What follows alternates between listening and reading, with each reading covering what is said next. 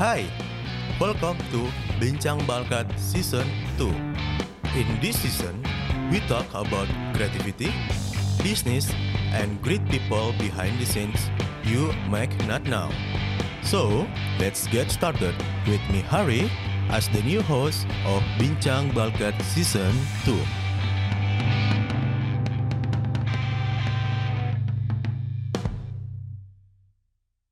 Halo Pak, Iya, halo. salam kenal saya Fashion Armia eh, yang ditugaskan selaku host untuk bincang bakat bersama pagi hari ini. Ya. Oke, mungkin eh, kita langsung mulai aja kali ya Pak. Oke, boleh. Iya. Oke, Eh, iya Pak, Eh, mungkin Pak Agi bisa memperkenalkan diri dulu di Diskominfo ini sebagai apa posisinya gitu Pak. Iya. Eh, Oke, eh, terima kasih teman-teman semua. Eh, selamat sore, salam sejahtera bagi kita semua. Assalamualaikum warahmatullahi wabarakatuh. Waalaikumsalam. Ya, saya eh, Agi Agung Galuh Purwa, biasa dipanggil Agi.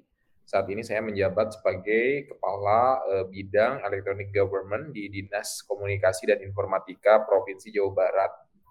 Jadi di bidang ini saya sudah eh, menjabat sejak bulan Maret di tahun ini.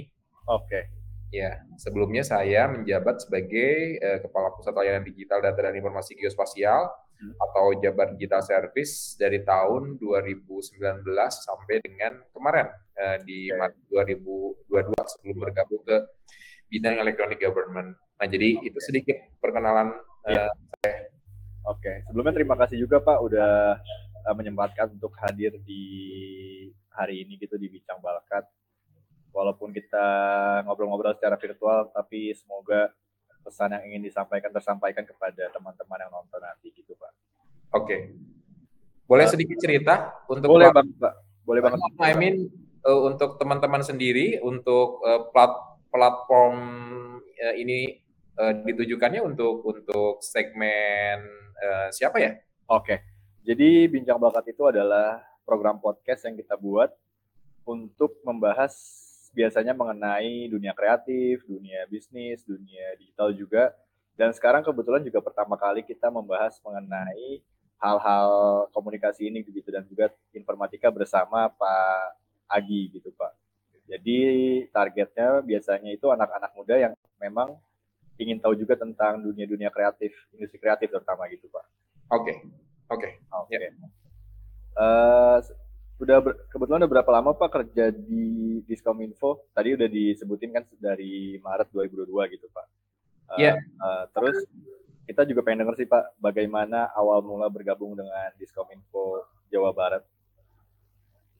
Oke, em, latar belakang pendidikan saya di Government Studies, eh, S1 saya eh, dari Institut Pemerintahan Dalam Negeri, terus saya melanjutkan studi di Public Policy and Program Management di University of Bradford, Hmm. Eh, terus kemudian melanjutkan lagi di Master Public Administration di Seoul National University. Jadi bidang saya sebetulnya di area eh, Government Studies. Nah, gabung ke Dinas Komunikasi dan Informatika eh, di 2014 pertama kali. Ini kan saya pegawai negeri sipilnya itu dari 2005 ketika pertama kali lulus Oke. dari ke IPDN. Nah, eh, di 2014 itu pertama kali saya menjabat sebagai pengolah eh, data elektronik. Nah, itu pertama kali tuh eh, masuk ke dunia keinformatikaan. Berarti awalnya dari 2005 itu udah cukup lama ya Pak? Sebetulnya switching ya, be- beda sebenarnya. Eh, tapi memang di 2014 itu karena memang secara eh, penugasan di Diskominfo, Hmm. otomatis kan kita jadi meluruh ya dengan segala dinamika, Iya. perkembangan dan eh, ya kebijakan terkait ke ICT-an. Oke. dan saya merasa di saat itu nampaknya ini akan akan akan masif nih progresnya karena kan di 2014 sebetulnya belum terlalu terasa gitu ya. Iya. Nah, eh, dan memang ya terbukti sekarang kan udah jadi eh, salah satu prime mover ya. Jadi lokomotif pembangunan ekonomi, ya mungkin industri kreatif Iya. salah satunya kan disokong oleh eh, ICT. Jadi eh, ya ini cukup ini eh, blessing in disguise gitu ya. Jadi karena kemarin eh, di 2014 itu ditugaskan di Kominfo, eh, jadi akhirnya sekarang eh, ya relatif lebih lebih eh, update terkait eh, hal-hal eh, ICT. Mhm. Oke Pak, sebelum kita masuk ke pertanyaan lebih jauh, saya juga penasaran sih Pak, kenapa sebenarnya Diskominfo ini berbeda-beda gitu, atau ada di setiap provinsi atau daerah kan kayak dari Pak Agi ini dari Diskominfo Jawa Barat gitu Pak. Nah itu fungsi sebenarnya ada Diskominfo di setiap provinsi itu apa Pak? In general itu akan ada unit eh, pengampunya Oke. ada Kementerian Pertanian, maka provinsi ada dinas pertanian, begitu juga di eh, kabupaten kota juga akan ada dinas pertanian. Nah, simplifikasinya seperti itu. Ini penjelasannya panjang. Begitupun juga terkait dinas tadi yang di pusatnya kan ada komunikasi dan informatika. Ada urusan yang mengampu terkait ke informatikaan Mhm. informasi dan keinformatikaan. Dan di level pusat tadi ada kementeriannya, karena itu di level provinsi ada level dinasnya, kemudian di level kabupaten kota pun juga eh, ada eh, level dinasnya. Oke, berarti di bawahnya Pak Agi ini masih ada level 1 di bawah ya Pak? Di kabupaten. Ini akan panjang juga nih ceritanya, karena kan sekarang otonomi daerah ya. Di otonomi daerah itu sebetulnya kita ini yang provinsi ini wakil pemerintah pusat di daerah. Berarti sangat besar ya Pak?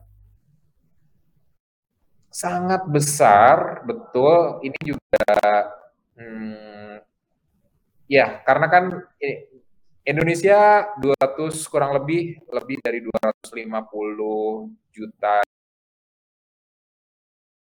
jiwa, 20 persennya oke. itu di Jawa Barat. 50 juta jiwanya itu di Jawa Barat dan eh, sekarang kan tadi saya sampaikan di awal eh, digitalisasi ini kan prime mover ya backbone dan kita penduduknya banyak jadi banyak juga PR-nya agar bisa catching up agar bisa eh, bagaimana teknologi eh, ICT dan turunannya bisa memberikan kemaslahatan kebaikan bagi 20% penduduk Indonesia 50 juta jiwa tadi. Oke. Kalau misalnya target dari Diskominfo per daerah itu apa beda Pak? Sebetulnya kalau ini ini juga akan sangat panjang eh, diskusinya, tapi yang pasti gini, eh, setiap entitas, setiap unit organisasi itu ada tujuannya, ada goalnya. Nah, terkait ke Kominfoan, Hmm. kita itu goal besarnya itu adalah sistem pemerintahan berbasis elektronik. Oke.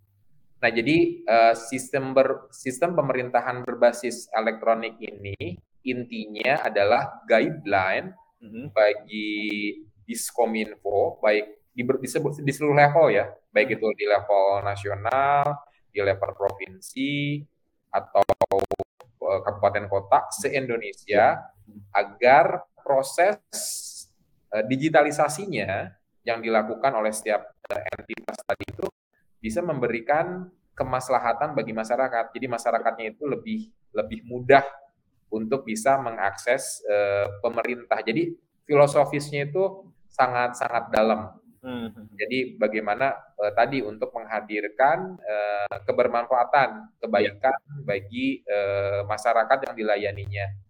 Nah, eh, untuk sistem pemerintahan berbasis elektronik ini menjadi dasar perhitungan Electronic Government Index versi United Nation. Mhm. Jadi secara internasional untuk visi besar eh, ICT secara global yang dikawal oleh PBB Perserikatan Bangsa-Bangsa adalah Electronic Government Survey. Nah, Electronic Government Survey ini salah satu penilainya itu tadi SPBE, sistem pemerintahan berbasis elektronik yang saya sampaikan di awal. Oke. Nah, si Electronic Government Survey itu tuh ada tiga komposit utama yang dinilainya itu. Yang pertama tadi eh, terkait bagaimana masyarakatnya itu dimudahkan dengan layanan online secara Ya. terintegrasi.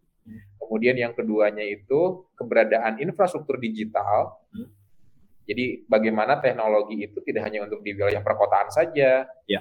tapi desa-desa juga eh, terakses eh, eh, ya tidak ada blank spot gitu ya mudah untuk menggunakan internet eh, dan lain sebagainya. Kemudian yang ketiganya itu komposit eh, komposit indeks pembangunan manusia. Nah itu eh, komposit eh, untuk indeks yang tadi eh, Hmm. electronic government versi United Nation. Ya. Nah kalau yang level nasional tadi ada sistem pemerintahan berbasis elektronik. Oke. Nah intinya itu ini juga panjang ceritanya. Iya, iya. Berarti tantangannya untuk mencapai pemerintahan berbasis elektronik itu apa aja, Pak? Tantangan tersulit gitu, Pak. Dalam mencapai tujuan itu tadi, Iya, berbasis elektronik. Kalau untuk konteks kita mungkin sama ya konteks nasional di eh, Indonesia secara umum, begitupun yang konteks kita Jawa Barat bahkan mungkin global ini eh, masih inline. Yang pertama itu digital divide, Hmm. jadi kesenjangan digital antara wilayah rural urban. Kita Hmm. kita em, mohon maaf, ini dipanggilnya siapa nih? pasien, Pak, Jadi eh, Falsian tinggal di Jakarta. di Jakarta. Nah, di- Cinere sebenarnya, Pak, Cinere. Di Cinere. Kan mungkin di Cinere sudah sangat progresif ya. Iya, internet gampang kan? Sangat Eh, mudah. ya sangat mudah. Kemudian juga eh, untuk eh, berarti KTP-nya penduduk mana nih KTP-nya KTP Jakarta, cuman tinggal di Cinere. Cinere kan termasuk Jawa Barat tuh, Pak. Cinere itu wilayah kabupaten oh, oke Depok. Ya Depok. iya iya iya Ah, ah. ya berarti berarti warga Jawa Barat ya?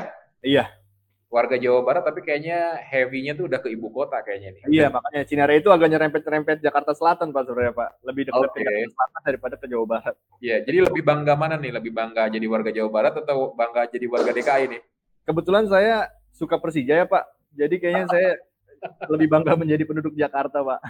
Oke oke oke. Iya. Oke oke. Jadi eh, balik lagi nih ke pertanyaannya. Jadi tadi digital divide masih masih cukup challenge karena Jawa Barat ini tidak hanya wilayah perkotaan saja. Iya. Kita juga ada 5.312 desa gitu. 5 ribuan desa se-Jawa Barat.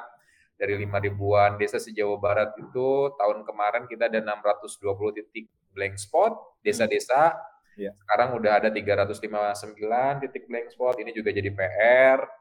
Kemudian juga tingkat literasi digital masyarakat yang diverse Hmm. sekarang eh, eh, jadi isu cukup eh, besar juga ya karena kan ya hoax Iya, betul. eh, misinformasi, kemudian ketika misalnya literasi digitalnya masih terbatas, boro-boro bisa milah-milah informasi gitu ya. Iya, betul. Eh, untuk yang basic saja juga mungkin masih perlu banyak dibantu. Sesimpel misalnya gimana cara menggunakan HP gitu ya. Nah, jadi eh, itu juga eh, cukup ch- challenge juga dan eh, satu lagi yang nampaknya ini sangat urgen adalah keberadaan talenta digital.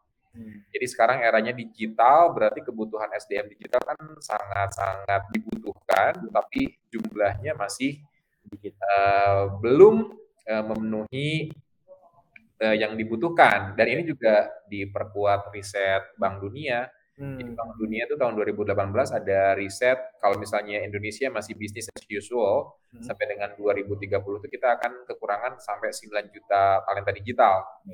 Nah, karena itu ini harus ada upaya-upaya dari berbagai stakeholders agar bisa ya address eh, isu-isu tadi. Jadi saya melihatnya masih di tiga hal ya yang besar-besar.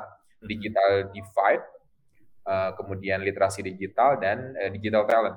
Oke. Nah, kembali kepada yang tadi Pak Agi bilang kalau misalnya kesenjangan digital itu kan masih sangat eh, besar ya, Pak. Nah, solusi yang dilakukan oleh Diskominfo Jawa Barat itu gimana, Pak? Ya, di Jawa Barat ada program uh, namanya memang ini sangat menyasar segmented desa, tapi sebenarnya uh, isunya itu untuk mengadres digital divide yang tadi saya sampaikan. Ya. Jadi uh, desa digital ini uh, program untuk desa-desa sejauh barat yang terbagi menjadi empat level. Yeah. Jadi yang level pertamanya itu pembangunan infrastruktur. Hmm. Jadi kan saya menyampaikan di awal di kita kan masih ada blank spot tuh. Iya. Nah jadi kita provide dulu tuh infrastrukturnya. Jadi hmm. agar uh, digital divide bisa uh, tereliminir gitu ya secara hmm. bertahap. Iya. Itu yang pertama. Jadi kalau misalnya nggak ada internet, di provide internetnya, dibangunkan ya. aksesnya. Hmm. Nah, setelah dibangunkan akses internetnya, uh, kita juga uh, mengadakan literasi digital untuk wilayah-wilayah tersebut. Hmm. Jadi bagaimana uh, keberadaan internet ini bisa memberikan manfaat positif. Jadi dipakai untuk kegiatan-kegiatan positif, untuk hmm. pendidikan, kemudian untuk peningkatan skill, untuk uh, pemberdayaan ekonomi dan lain sebagainya. Nah itu melalui program literasi digital. Kemudian uh, level yang selanjutnya, jadi setelah ada internet, sudah literasi digitalnya sudah cukup melek, kita kenalkan dengan e-commerce. Okay. Jadi bagaimana uh, keberadaan internet ini bisa memberikan dampak ekonomi, yeah. gitu langsung. Yeah. Jadi ketika misalnya punya produk-produk unggulan di desanya bisa uh, di uh, dijual. di, di berbagai e-commerce yang mainstream hmm. dan diajarin caranya karena kan harus ada skillnya juga kan untuk bisa uh, tahu foto-foto yang bagus untuk yeah. dijual di sosial apa e-commerce tersebut. Gimana caranya untuk proses pembayaran dan lain-lain. Nah itu juga ada proses uh, uh, approach gitu ya agar agar bisa masuk ke segmen e-commerce dan level yang terakhir level 4 uh, eh, itu uh, desa digital tematik namanya. Oke. Okay. Jadi kita kenalkan dengan startup startup yang concern untuk uh, tema uh, digital uh, yep. di berbagai area yang sesuai dengan uh, potensi wilayah yang ada di desa tersebut. Hmm. Contoh misalnya potensinya ini perikanan nih perikανannya bagus kita kenalkan dengan e-fishery. Oke. Okay. Jadi e-fishery ini kan concern tuh untuk uh, peningkatan para uh, yang petani ikan nelayan. Nah kita kenalkan ketika misalnya potensinya nih agribisnis nih uh, apa produk-produk pertanian kita iya. kenalkan yeah. dengan Happy Garden yeah, yeah. yang concern untuk tadi uh, di pertanian. Hmm dan lain sebagainya. Kita kurang lebih sampai dengan saat ini sudah ada 35 partners okay. yang membantu kita uh, dalam berbagai uh, tematik yang dibutuhkan oleh desa-desa sejauh barat. Okay. Nah, itu uh, program yang kita jalankan. Okay. Berarti untuk programnya semoga lancar dan juga uh, kesenjangannya cepat berkurang ya Pak? Ya betul betul harapan kita semua. Tapi yang menjadi gar, yang menjadi uh, highlight gitu ya untuk kita semua ini kerja bersama. Iya betul. Jadi, tidak bisa uh, ya government oke okay, government sebagai penanggung jawab karena memang sumber dayanya besar di government tapi ada keterbatasan.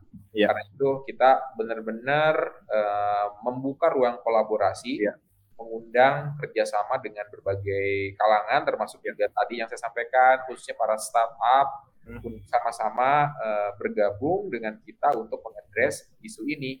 Oke, berarti kontribusi masyarakat ini sangat diharapkan ya Pak? Betul, sudah banyak kok. Kita tuh kalau misalnya dihitung ada kurang lebih 100, hampir 150 partnership. Oke, berarti cukup banyak Jadi, Pak. Ya cukup banyak. Karena tadi ini kan besar juga juga. Iya, besar ya desa kita tadi ada 5.312 desa se yeah. Jawa Barat. Jadi Barat. ini harus energinya harus energi yang uh, masif, kolaboratif yeah. berbagai stakeholders. Kalau misalnya dalam pengurangan blank spot itu apakah ada target tertentu Pak di area Jawa Barat ini?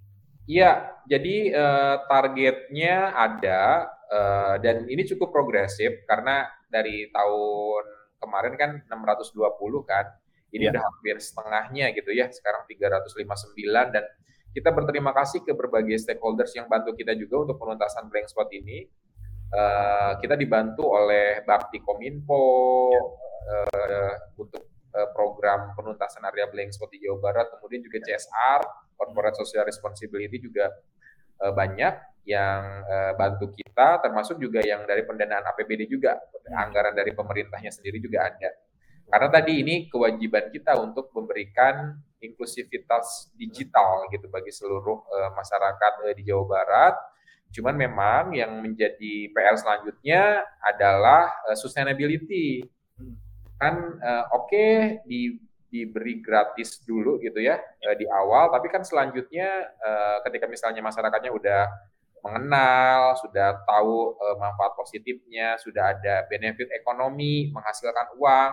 Hmm. Harapan kita secara mandiri mereka bisa uh, mem membiayai kebutuhan untuk infrastruktur internet tadi karena kalau misalnya selama selamanya dari pemerintah kan pemerintah juga ada keterbatasan. Iya betul sekali. Jadi agar dana yang dari pemerintahnya bisa dialokasikan untuk wilayah lainnya yang belum ada akses internet. Nah itu sih yang jadi concern kita sebenarnya. Kalau misalnya tantangannya itu dalam mengurangi blank spot itu gimana Pak? Karena mungkin ada masyarakat yang di desa yang sebenarnya hidupnya itu tidak belum membutuhkan mungkin belum membutuhkan uh, banyak dari sosial media ataupun misalnya internet gitu Pak. Bagaimana Pak tantangan? Iya, sebetulnya isu besarnya itu bukan di aspek membutuhkan ya, tapi ini kan kewajiban karena ya. internet ini connectivity gitu.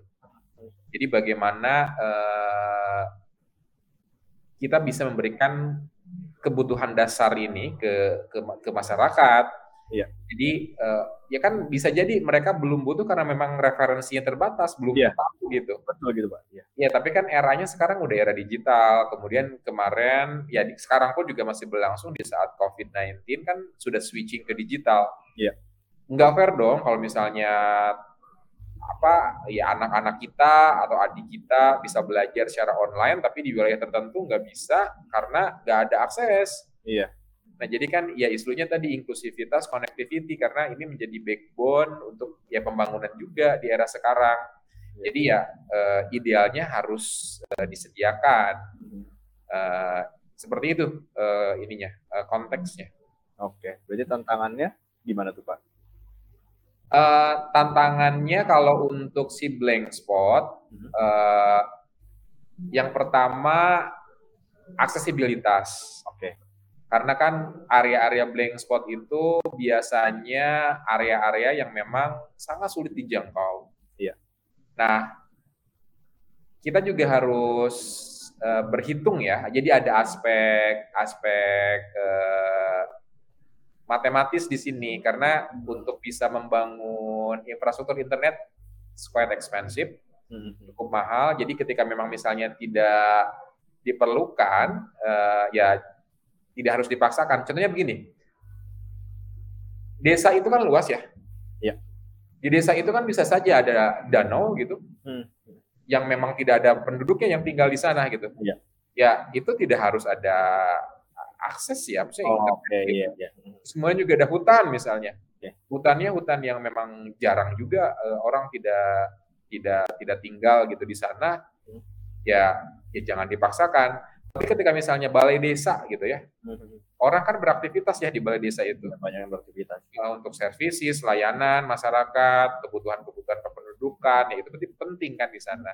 Hmm. Terus kemudian juga uh, pemukiman desa gitu kan ya butuh ya maksudnya uh, untuk misalnya uh, masyarakat desa untuk bisa beraktivitas apalagi misalnya anak-anak yang butuh uh, sekolah ketika misalnya harus virtual ya berarti kan harus harus ada di sana. Kemudian juga pasar gitu kan pusat perekonomian desa itu kan juga nampaknya penting gitu.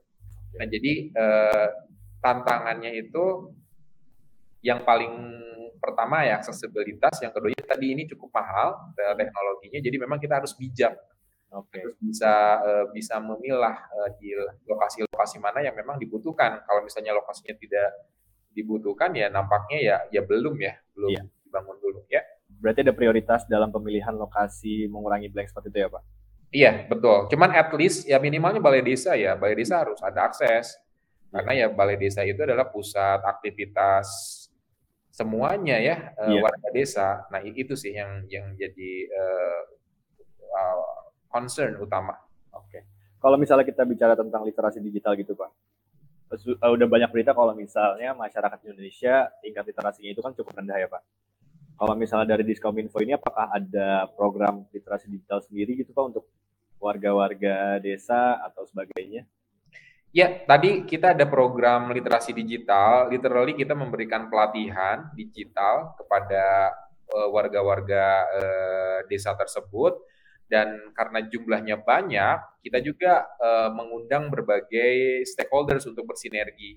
Jadi contohnya uh, di kita itu ada asosiasi perguruan tinggi ilmu uh, komputer sejauh barat. Nah jadi uh, uh, asosiasi ini tuh punya perguruan tinggi sejauh barat. Nah jadi perguruan tinggi ini kan biasanya ada program kerja lapangan. Iya. Yang mewajibkan kepada uh, para mahasiswanya dan kita bekali mereka kemampuan untuk literasi digital okay. untuk ya desa-desa sejauh barat Kemudian juga banyak materi literasi digital dari uh, Kominfo dari pusat. Jadi hmm. itu cukup cukup besar dan hanya terakhir kita fokus untuk kawasan Jabar Selatan karena Jabar Selatan itu area yang cukup tertinggal dibandingkan dengan wilayah yang lain dan ini sangat membantu di samping materi-materi yang memang dari kami dari dari pemerintah provinsi ada program uh, di kita kan ada uh, Jabar Sabar Hoax, jadi unit untuk pemberantasan hoax itu juga turun ke ke desa-desa. Kemudian juga tadi dengan startup uh, dan di uh, sekarang itu kita udah ada portal khususnya uh, desa digital jabarprop.go.id. Di portal khusus ini desa-desa itu bisa mengajukan kebutuhannya apa. Nanti oh, difilter, okay. uh, nanti difilter oleh admin kita nanti ketika misalnya sudah uh, sesuai nih matchmaking antara yang dibutuhkan oleh mereka dengan ketersediaan yang bisa kita bantu, bisa dibantu desa-desanya. Tapi memang jumlahnya masih sangat terbatas ya dengan kemampuan fiskal yang dipunya oleh uh, Pemprov Jabar dengan luasnya uh, desa yang yang yang kita punya. Cuman tadi kita cukup optimis karena energinya banyak dibantu oleh berbagai uh, elemen untuk sama-sama mengadres isu ini. Oke, berarti sama seperti mengurangi blank spot ini, literasi digital juga dibutuhkan banyak kontribusi dari warga-warga sekitar gitu ya Pak, dari mahasiswa, dari orang-orang startup juga dan lain-lain. Betul.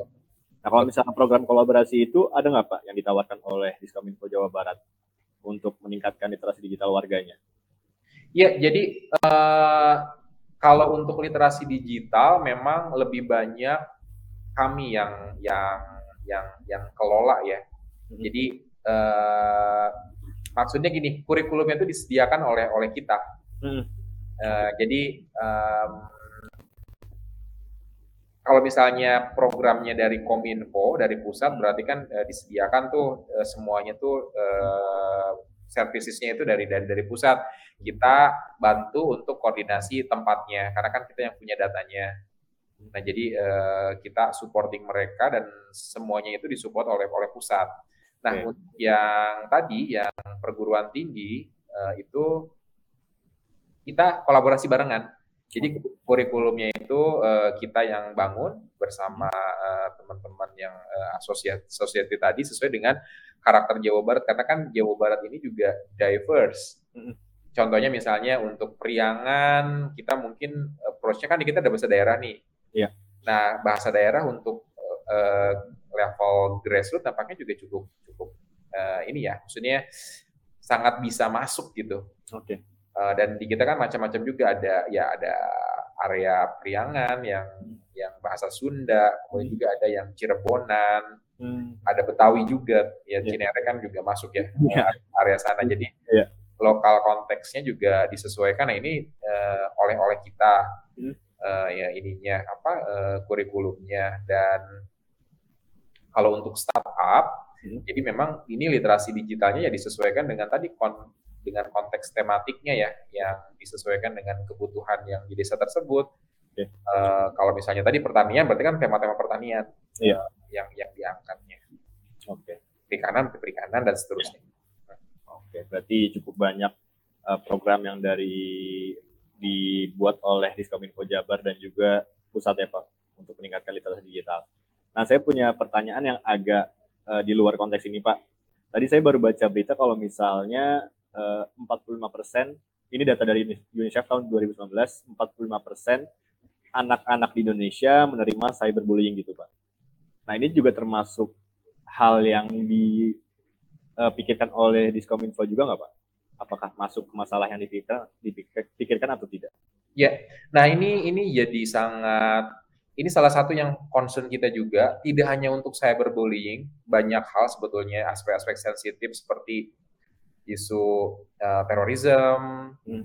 uh, kemudian juga banyak hal gitu ya, banyak banyak hal. Jadi memang ini jadi jadi dua sisi mata uang ya, dan ini untuk apa pun gitu. Nah, karena itu uh, sebetulnya muaranya itu kan di level literasi digitalnya ya. Iya. Jadi uh, bagaimana kita bisa mengedukasi dan memang ini tadi ini kerja kerja yang nampaknya tidak tidak akan berhenti gitu ya, mm-hmm. yang harus terus menerus dibangun dan memang uh, nampaknya juga untuk hal yang terkecil, unit terkecil sesimpel kita misalnya di lingkungan keluarga kita, kita kan ada yang uh, yang yang sehari-hari tinggal dengan kita ini juga sangat yeah. sangat sangat penting hal seperti yeah. ini. Karena kalau misalnya uh, kita uh, pointing fingers hmm. atau misalnya berpangku tangan gitu ya, hanya misalnya melihat ini um, government, hmm. memang betul ini tanggung jawab government, tapi ini nampaknya harus harus seluruh stakeholder sih iya. bisa sama-sama nge-address uh, isu ini sama-sama uh, karena ini yang jadi side effect teknologi informasi yang sekarang ya. Iya, iya, iya Jadi informasi begitu, begitu banyak dan ini pun kan ini ya maksudnya terakhir kan kita ada ada data juga kan yang dari Microsoft sur surveinya Microsoft uh, kita ini Indonesia ini ya apa uh, negara dengan uh, tingkat kesopanan di bawah iya. rata-rata dunia. Iya. Itu kan jadi jadi saling saling melengkapi gitu ya uh, datanya dan kan kita uh, sekarang uh, melihat juga nih di, di ya terutama nasional ya karena kan aspek regulasi yang mengaturnya di level pusat uh, udah banyak juga laporan-laporan dan, dan diproses gitu kan dan biasanya kan e, laporan itu ya tadi gitu mereka itu kan yang yang melakukan itu tuh biasanya anonimus ya iya betul jadi banget. pakai pakai akun-akun yang e, tidak jelas e, dan mereka menganggapnya itu aman gitu tapi ternyata bisa di trace hmm. dan sekarang juga udah ada undang-undangnya terkait itu undang-undang ITE dan e, ya mereka harus mempertanggungjawabkan perbuatannya cuman kalau menurut saya ya e, yang utamanya di literasi digital sih iya di bagaimana kita perkuat uh, literasi digital uh, agar tadi kita ada awareness, ada kedewasaan juga gitu untuk untuk untuk untuk bertindak. Ini kayaknya relevan dengan kondisi ini juga ya. Maksudnya tingkat kita ini levelnya itu kan untuk uh, uh, indeks membaca kita juga di bawah gitu ya. Ya. Uh, terus kemudian ya ini uh, sama juga untuk terkait literasi digital. Jadi ini memang PR yang sangat sangat ini sangat sangat besar tapi secara umum kita melihat juga aspek digitalisasi ya ini juga harus uh, disupport juga gitu ya walaupun tadi ada side effect-nya hmm. yang positif efeknya juga cukup besar juga yeah. gitu ya dan eranya era digital nah jadi sekarang challenge-nya itu bagaimana kita bisa mengoptimalisasi kebermanfaatan positifnya tapi ya secara bertahap ditekan uh, dampak-dampak negatifnya oke okay. Nah terakhir Pak, uh, kita tahu sama-sama kalau misalnya kemarin sempat ada isu hangat bahwa Biorka ini muncul gitu Pak tiba-tiba. Uh, kalau misalnya yang saya pikirin adalah nggak pemerintah ini kan juga manusia gitu Pak. Manusia kan gak ada yang sempurna. Mungkin emang ada kebocoran di situ, tapi bagaimana Pak tanggapan Bapak mengenai Biorka tersebut? Apakah kita sebagai masyarakat harus lebih hati-hati menjaga data diri atau gimana Pak? Ya, Betul sekali. Jadi eh, terkait keamanan informasi sangat sangat sangat penting. Yeah. Dan keamanan informasi pun juga saya melihatnya dari aspek literasi digital juga. Mm-hmm. Sesimpel gini, sesimpel kita punya HP, HP kita sendiri, kita aware nggak dengan password di HP kita? Iya. Yeah. Kita suka ngeklik ngeklik sembarangan nggak? Okay. Di HP kita. Nah, ketika misalnya kita punya level literasi digital yang yang baik, Iya. Agak nggak sembarangan dong, apa ngeklik uh, terus kemudian apa uh, ya ngebuka link-link yang nggak jelas. Nah, jadi saya sih melihatnya itu ya memang ya Bjorka ini alert kan ya. Jadi jadi alert akan kita agar kita semakin uh, aware lagi terhadap isu keamanan informasi tapi sebetulnya titik poinnya itu di literasi digital. Yeah. Jadi bagaimana kita semua semakin melek teknologi yeah. agar teknologi ini ya tadi uh, dampak positifnya yang yang dominan dibandingkan dengan eh, dampak-dampak negatifnya dan kita punya kewajiban moral mm-hmm. untuk bisa mengedukasi sesama kita juga di internal yeah. kita yang terdekat agar uh, literasi digital kita ya semakin baik semuanya. Ya, berarti solusinya adalah kita juga sebagai uh, sebagai masyarakat harus berhati-hati gitu ya Pak dalam menggunakan ya sosial media lah gitu. Betul, betul, betul. Sosial media ini uh, ya ini juga uh, sekarang udah um, ini salah satu tools yang sangat powerful. Iya. Uh, dan gitu sosial media.